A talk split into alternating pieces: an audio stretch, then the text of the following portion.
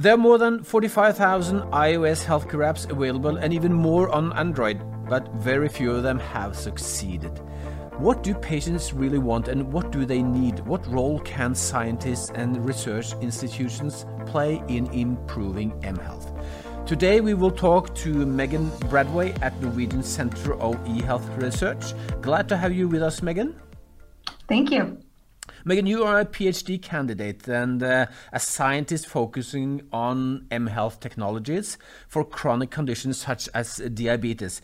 Uh, Megan, uh, can you please explain about your field of research and, and the research team you, uh, you are working with?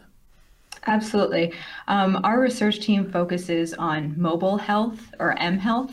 Um, and the focus is to collaborate with people with chronic illnesses and their healthcare providers on uh, during this type of research. So what mHealth is are apps, activity trackers, and sensors uh, that allow individuals to track things like their diet and exercise, and then see how those impact their disease-specific health measures like their blood glucose. Um, so they're collecting more information that is individualized to them and more relevant to them, and that's what we need to um, explore. So the, the challenges that we face are to produce more relevant information for these people with health challenges uh, so that they can use that in their everyday lives. So you, that, that's interesting. Uh, and Megan, you say people with chronic illnesses uh, instead of patients, uh, which was uh, what I use. Uh, can you explain why you make the, the distinction between patients and people? Yeah, it, it has to do with your like what situation you're in. So when you're in an appointment with your healthcare provider, you're a patient. Hmm. The focus is on your health and on your chronic illness. But people spend more time outside of the medical system than they do in it. So you are someone perhaps who deals day in and day out with symptoms of having a chronic illness, but you are more than your chronic illness. So we hear statistics about how many people are affected by a chronic disease and, and how successful a medical program is when treating them, but less is known about the individuals who are the ones who have to do the work day hmm. in and day out to make those statistics change. So it's now more important than ever to see someone with a chronic illness as someone with a lot of responsibility and questions, but also as someone who is very capable and in need of guidance and encouragement. So, so uh, mHealth is obviously a technology that is evolving very, very rapidly. And uh, mm. but how does this field of research differ from other research areas? Would you say? Uh, well, one that you mentioned, the the quick development of these technologies. Uh, so smartphone apps and activity trackers are produced a lot faster than the medical technology um, that we're used to. So, the, for example, the blood pressure cuff took 10 years of testing before it was before it reached the market. So, we as researchers need to be able to keep up with the new technologies. Mm. Um, but it's also important to mention that this type of research doesn't mean that we will throw out the more traditional approaches like control trials and um, those that focus on health outcomes, but we should expand our research toolbox to fit the mHealth trend, which means expanding our target audience, which is another uh, one of the major differences. mHealth technologies are developed and used primarily by individuals to self manage their health, not just for clinicians to monitor their patients. Hmm. So, people with chronic illnesses are much more involved in their health these days. They're just as much experts in their own self management and use of this kind of technology as health providers are in the medical field. Hmm. So, uh, mm-hmm. so, so people with chronic diseases, I use people now because I think that's the, the, the, right term to use. Uh, they yep. are um, obviously a little bit older than the, the general population. Uh, so how do they keep track on all the techno technology innovations? Uh, is, is, are they coping with it? Actually, we found that um, in some of our studies, those the older individuals are are very adept. They're they're they're using these technologies um, because the focus is on making uh, the design and the functionalities very simple and intuitive. Um, so age doesn't doesn't seem to be as big of a barrier as one would expect. That's interesting. So, so let's talk a little bit about more your research and how to monitor patients to get their views and how to improve the apps because we, we know that's mm-hmm. a, that, that's a great challenge that the technology companies, hospitals, and organizations have.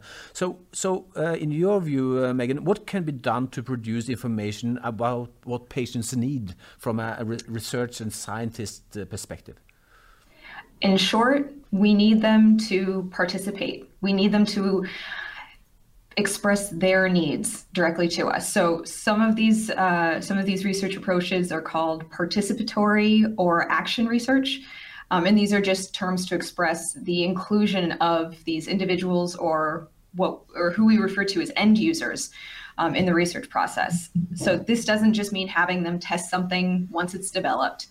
Um, that's where a lot of research is still at today. But participatory research means that the end users are involved throughout the, the research project.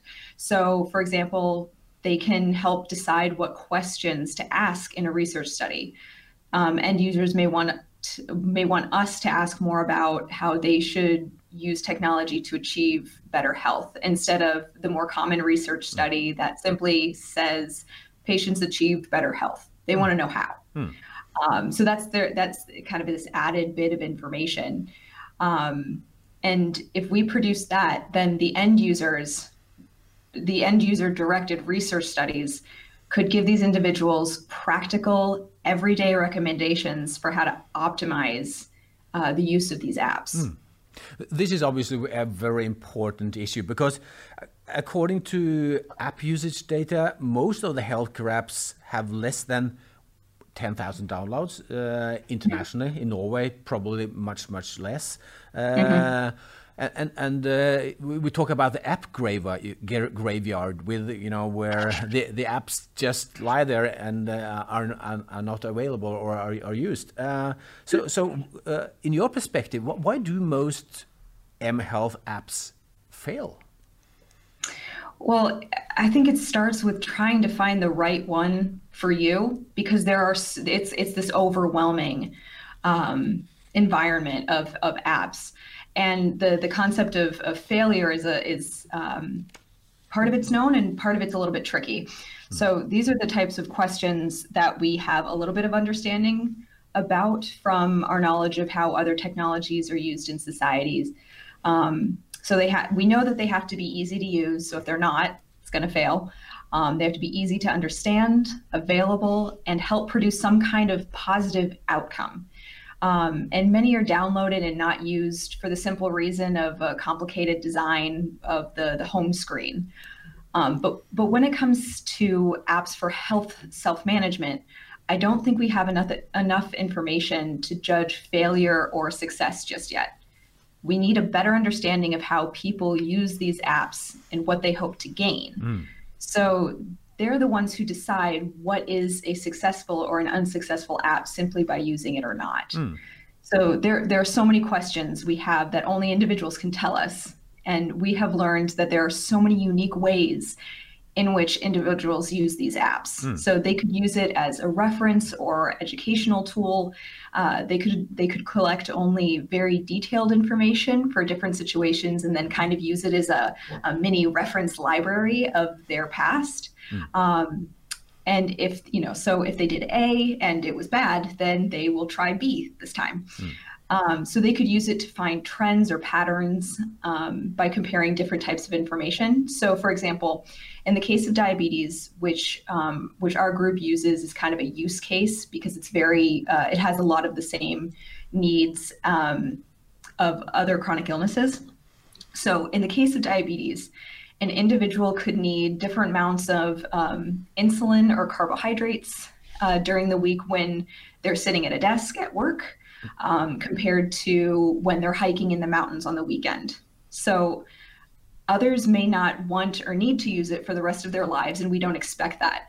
Um, but they can still benefit from short-term use. So you, do you see the the, the variability um, in these use cases? Hmm. Hmm. That's interesting. Yeah. And, and, your uh, uh, research center, you have actually developed a diabetes app, uh, which is called the Diabetes Håndboka in Norwegian, or uh, the, the, Diabetes Handbook. Um, so, mm -hmm. so you are using this actively in your research. Can, can you tell us a little bit about how you how you go how you do that? Yeah, um, so we use the the app and it's it's available um, for download, uh, but we use it as a research tool. Um, so we are able to uh, collect the usage logs, so like what data they've entered and what screens they've uh, you know navigated through, um, so that we can look at usage patterns. We can understand a little bit more about what they're going through on a day-to-day basis. Hmm. Um, and again, individuals live in so many different situations with different resources and different specific needs or different intentions for for why and how they want to use mm. an app. Mm.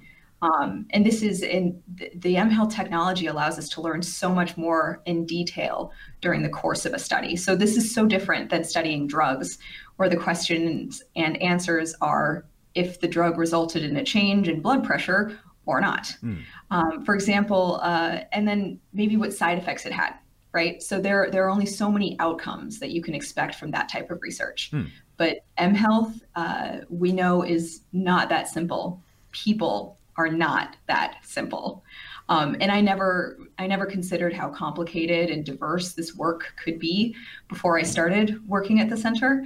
Um, and I'm learning just as much from these individuals and their use of, of, of apps as you know any other research training or PhD course. Mm -hmm. This is must be a huge research area and, and, and also very exciting one as well. But what role do you see yourself and yourself and and and the Norwegian Center of eHealth Research? How how can you feel uh, in order to produce information and insight about what patients need? What what what can you concrete do? Um, we can provide um, use cases. We can provide examples of how. Um, people are choosing to use this. Uh, so we've done co-design workshops uh, which means the end users, uh, individuals, and healthcare providers. Uh, we invite them to tell us what the technology should look like and how it should function. Uh, we also collaborate with representative groups who work primarily with individuals with chronic illnesses, uh, like Diabetesforbundet. Mm. There are also those who invite entire communities to help design an app. You know, they may focus on what individuals in a certain geographical area or health facility or program need, and then how the technology should meet those unique needs in those unique situations. That, that's interesting. And, and, and I also have to ask you, where do you publish your research? Because you know, a lot of, of research institutions produce a lot of of insight, an important insight, which should be used, uh, made available for app developers, hospitals, organization, for government. So, so where, how do you safeguard that uh, your research uh, is available and opened uh, for for all these these um, very important target groups? Yeah, I mean, one of one of the uh, challenges is that traditionally science is kind of this secret society yeah. where um, a lot of the the research results are.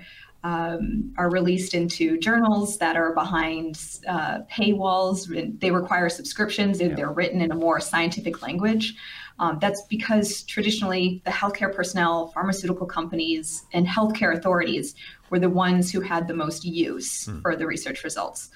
Uh, so they're in scientific journals, and we still use those established platforms.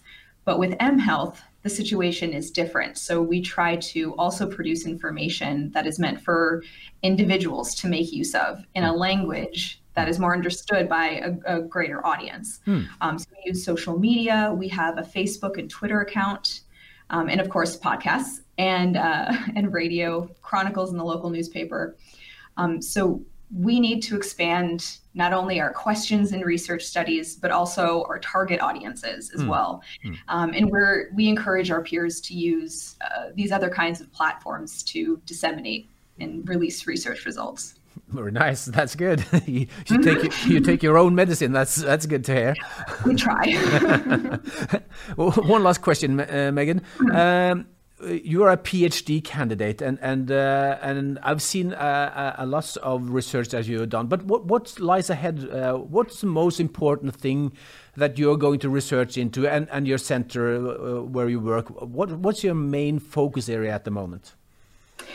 Um, well, I'm, I'm finishing up my PhD now, and I'm looking to explore more of uh, patients' needs I, I, in, in their journey mm. through um, through being an individual with a chronic illness. I mean, like I said, different situations, different like physical environments, what they have access to, um, that affects so much of how they use these technologies. It, it's you know what's their intention, what do they need. Uh, so I want to understand that whole environment, their whole process. Mm.